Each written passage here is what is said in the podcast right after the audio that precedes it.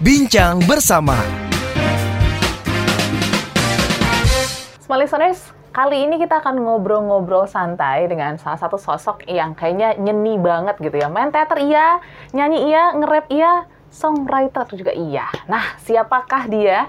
Masih muda, terus juga energinya sangat sangat besar, passionate juga. Kita langsung ngobrol-ngobrol dalam podcast Bincang Bersama bersama. Bu Tiara Aska. Yeay, Hai, Aska. halo. Apa kabar? Baik-baik, how are you? I'm fine and good. that's good. Senang banget bisa ngobrol-ngobrol sama Aska di podcast Bincang Bersama. Em, juga seru banget melihat kegiatan Aska kayak aktif banget ya. Iya, aktif bun anaknya. Anaknya aktif banget ya Bun. Tapi kok tadi kan aku buka dengan hal-hal yang kamu lakukan gitu kan. Mhm. Eh, main teater iya, Mhm. penyanyi iya, nulis lagu iya, rapper juga iya. Kamu lebih senang disebut sebagai apa? Seniman. Seniman.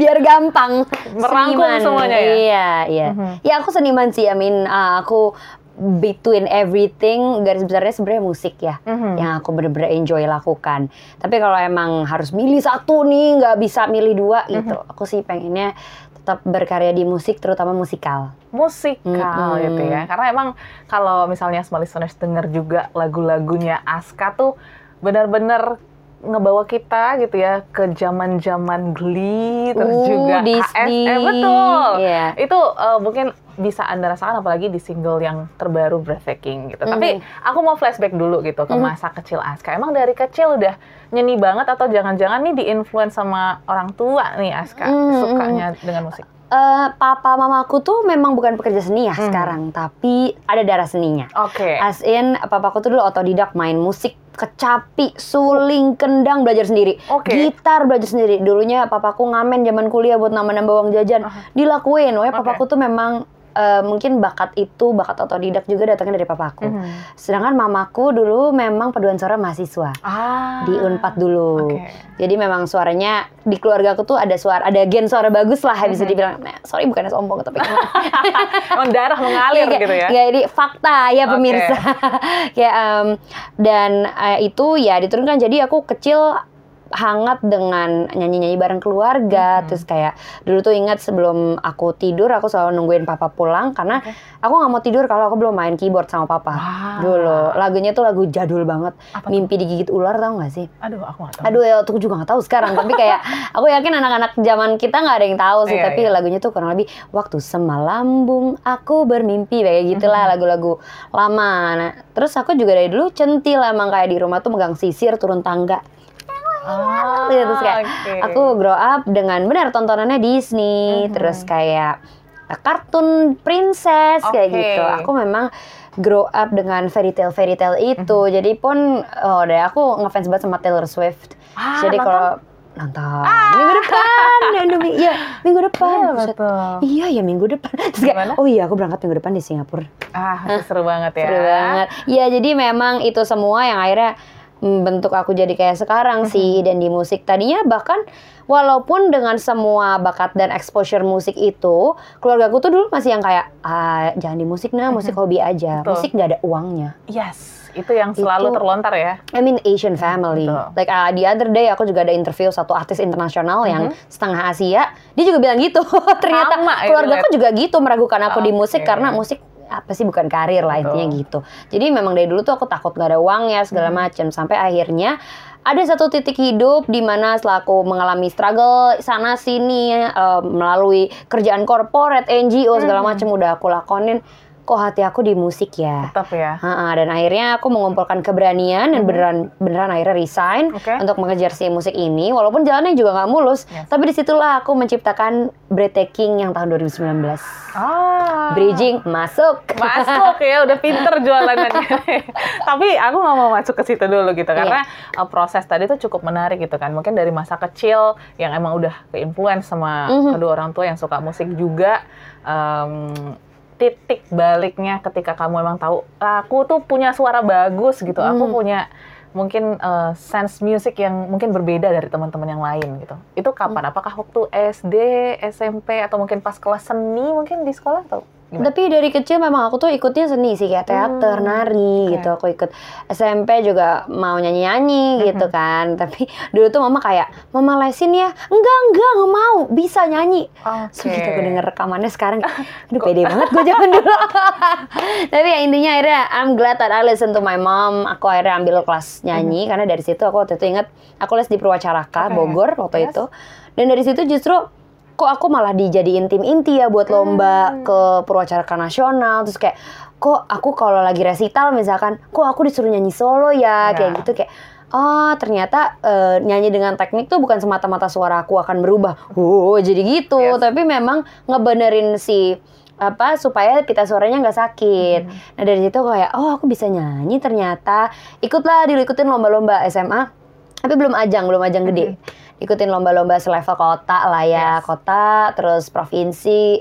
Alhamdulillah juara 2 3 dapet. Hmm, Gitu. Dari oke. situ sih yang kayak nyanyi deh. Tapi again orang tua aku tuh masih yang kayak jangan nyanyi nah, kamu yang lain aja. Di ini aja broadcasting gitu kan. Hmm. Broadcasting. Nah, jadi oke. penyiar radio, jadi apa ya? I mean, tapi untuk sekarang di satu, di satu sisi aku masih ada sisi itu, aku Mhm, masih iya. nge-host. Yes. Dulu juga aku pernah apa sebulan siaran di radio sebelah. Mhm. Ya, jadi Oke. kayak um, I tried um, what she wanted dan aku enjoy juga sama Hmm. bidangnya. Cuman setelah aku mengelanglang buana kok aku maunya musik ya Yes, kayak yes. gitu. Oke, jadi ternyata banyak hal yang dicobain du- juga Mm-mm, sebelum banyak itu banget gitu ya. trial and errornya. Oke, tapi kalau misalnya turn back point orang tua akhirnya ya udah Aska kalau mau musik silahkan monggo nak gitu. Itu tuh Hmm. kapan tuh? Ya sebenarnya sampai sekarang juga aku masih suka dikirimin lowongan BUMN. Kayak semua relate ya pekerja-pekerja di industri kita ini. Yes. Iya, tapi eh, nggak ya. Aku sih karena again aku udah jarang minta uang dan Mhm. bahkan kayak kalau nggak dikasih ya nggak minta Apa, ya. gitu. Dan aku udah bisa dengan gaya hidupku yang sekarang yang cukup buat aku sendiri ya. Aku. Ya. tuh kan jajannya banyak. Mhm. Kayak ah beli ah gitu. Tapi walaupun masih dengan ranah yang bijak ya, Yes. jangan sampai kayak kita melarat lo nggak punya duit dipaksain gitu. Betul. Tapi ya itu mungkin mama papa ngelihat oh ini anak bisa ngidupin diri sendiri Mhm. sekarang ya udahlah gitu walaupun sekali-sekali kayak nah coba nih di embassy ini nih gajinya gede dan Yes. nanti kayak bisa kok dari freelance segini tapi sabar dulu itu sih Oke oke. Uh-uh. Tapi seru ya uh, akhirnya ya itu Aska menemukan jati diri lah ibaratnya di musik gitu. Hmm. Tapi uh, karir musik sendiri gitu ya untuk memulai tadi kan sempat kerja Mm-mm. di NGO dan lain sebagainya itu sejak kapan tuh? Akhirnya punya keputusan yang besar kayak oke aku harus resign dan mencoba nih Mm-mm. dunia yang mungkin ya belum tahu nih ujungnya tuh seperti apa. di 2019 Baru banget dong. baru iya karena aku udah corporate udah terus kayak NGO udah gitu kan udah merasakan aku tuh nggak bisa kantoran Oke. gitu Yes. Tapi di musik pun tidak mulus ya, karena memang aku sempat ada di fase di mana aku uh, propose ke papaku mau nggak bayarin single aku gini gini gini Hmm. promo gini sampai angkanya fantastis. Yes. Aku naif waktu itu berpikir oh bakal return ya bakal return. Padahal namanya musik karya sekarang apalagi ngandelin algoritma Yes. nggak bisa Semudah itu, diharapin betul. nggak bisa diharapin ini pasti return Iya. dan jadinya aku nggak suka musik waktu itu Oh. jadi aku aku nggak mau nulis lagu lagi deh nanti nggak enak gitu nanti Hmm. gak return lagi udahlah nanti aja deh nulis singlenya tapi urgensi yang tadinya ada itu jadi kayak pelan-pelan nggak passionate tapi kok kayak di dalam tuh tetap ada gitu yang kayak nggak gitu nulis nulis nulis apalagi membaca mungkin memang lagu-lagu aku streamingnya belum banyak ya secara numbers tapi ada aja satu dua tiga orang nge DM aku entah stranger atau bahkan teman-teman aku sendiri yang lagi struggling tuh kayak makasih ya lagu lo Hmm. yang breathtaking tuh nemenin gue recovery pasca ini.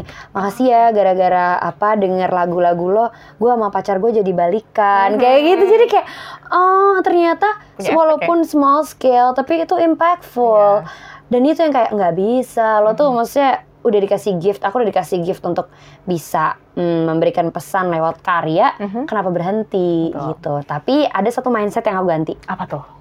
Tadinya aku berharap musik bisa membawakan aku uang Mhm. tapi sekarang nggak jadi aku Apa tuh? kerja tempat lain Oke. lalu freelance freelance juga Yes. aku kebetulan on daily basis aku adalah seorang dubber dan voice voice actress oke. ya aku jadi ngidupin biaya biaya aku semua pakai uang di situ tapi aku tetap mau idealis di musik aku yang penting musik aku nggak mati Oke. gitu ngakalin aja kan untuk Iya, sekarang betul, betul, betul. sambil berusaha kayak kan kita promo-promo ke mana-mana ya nggak ada yang tahu suatu hari naik Iya, iya tapi itu mindset yang aku rubah adalah aku nggak bisa berharap materi dari musik betul. apalagi kalau kamu cinta sama musik Yes. kamu nggak boleh mengharapkan itu gitu Mhm, mhm. makanya aku ngakalin nah juggling here and there but it works so far so Wah, seru banget ya. Tapi pasti ya itu ada momen-momen yang mungkin lagi capek-capeknya, Hmm. lagi lelah-lelahnya gitu. Dan musik yang jadi pelariannya Mhm, Aska nggak sih? Gitu. udah lebih bukan pelarian lagi sih udah kayak makanan Rumah sekarang. kali ya? iya iya Ah. rumah ah, ah. Tapi kalau ngomongin tentang lagu-lagu Aska yang mungkin juga tadi impactful gitu kan. Hmm. Em, karena mungkin Aska melalui prosesnya sendiri, terus juga mungkin ceritanya memang Aska banget, akhirnya Aska tuliskan, Mhm.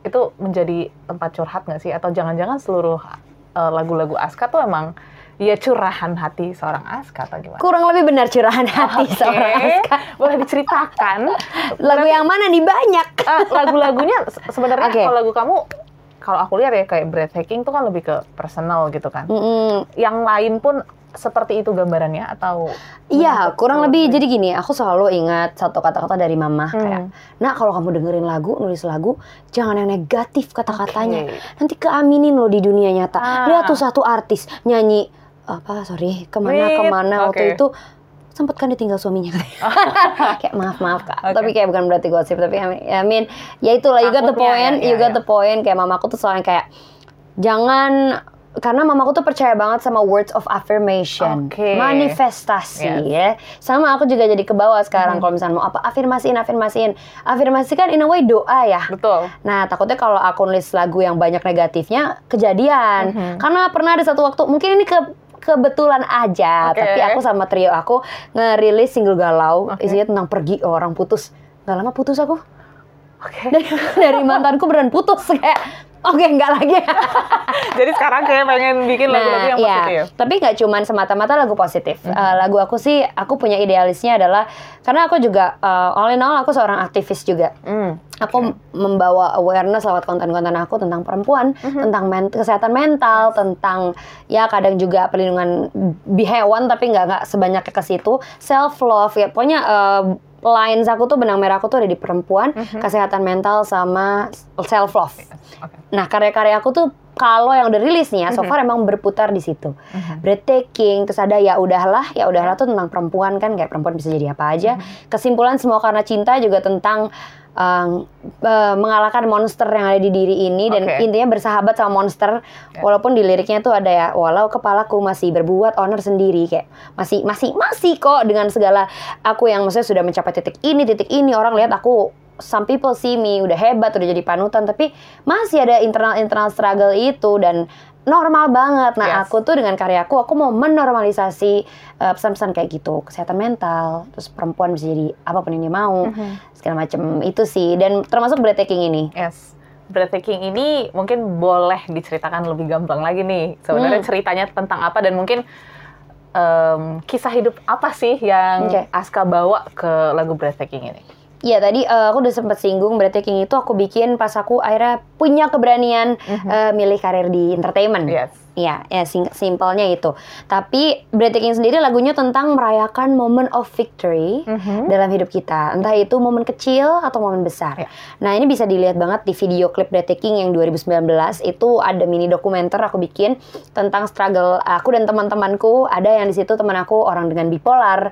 Akhirnya dia yang tadinya struggling banget, akhirnya dia bisa uh, berusaha untuk akhirnya lulus walaupun telat jadi lima tahun dan dia sekarang bisa berkeluarga Wow. dan sekarang malah dia bikin support system untuk teman-teman dengan bipolar juga gitu. Terus ada teman aku yang dia dancer K-pop tapi Oke. cowok yang kayak dia dibully karena dia Iya. itu sekarang udah kayak udah amat ini kan hal yang bikin gue seneng. Mhm. Terus ada transpuan, uh, Oke. teman aku yang transpuan yang gimana dia sampai diusir-usir segala macam tapi at the end of the day dia memilih untuk jadi dirinya sendiri karena kalau enggak aku nggak pernah bebas dan aku akan menyesal seumur hidup intinya kayak gitu dan banyak-banyak breathtaking momen lainnya yang Oh, kemenangan tuh bervariasi ternyata dalam hidup dan ter- eh, sesuai individu tuh pasti beda-beda. Mhm. Besar atau kecilnya, it doesn't matter karena itu important dan yang harus kalian recognize adalah selain itu usaha dari orang-orang sekeliling kamu, itu juga usaha kamu. Ah, Kadang orang paling lupa untuk berterima kasih sama dirinya sendiri. ya. itu breathtaking itu tentang itu berterima kasih sama diriku sendiri dan mau merayakan aku udah di titik ini Mungkin cerita sedikit. Kalau Hmm. big victory selama sepanjang eh, Aska berkarir di musik, menurut Aska itu momen apa? Ah, musik ya, maksudnya Yes. entertainment in general aja ya. Salah satunya kemarin pas aku main Mamma Mia musical, aku jadi peran utama jadi Yes, Sophie, Sophie, Sheridan. aha. Aha. It's crazy, cause Oke. aku udah fans ABBA tuh dari kayak bertahun-tahun Ah. lalu. Aku nonton Mamma Mia musical Broadway and dan Australian castnya tuh dua kali. Wow. Yang pas dia datang ke sini ke tim ya waktu 2018 sama pas aku lihat di sana. I love ABBA. Aku ngamen dulu kan sempat ngamen di Aussie. Aku ngamen lagu ABBA. Aku cover cover lagu ABBA di YouTube. Kalau Yeah. masih ada deh dicari YouTube Mutiara Aska lagu ABBA tuh banyak banget kayak. I adore them very much. I I love their works and all. So never in my life aku bakal ada full circle moment yang di mana aku jadi Sophie Sheridan. Iya. Nggak tahu, cuman aku selalu berdoa, ya Allah, karena kan aku udah nggak dikasih panggung tuh dari pandemi tuh aku udah nggak ada, nggak ada panggung lagi Iya.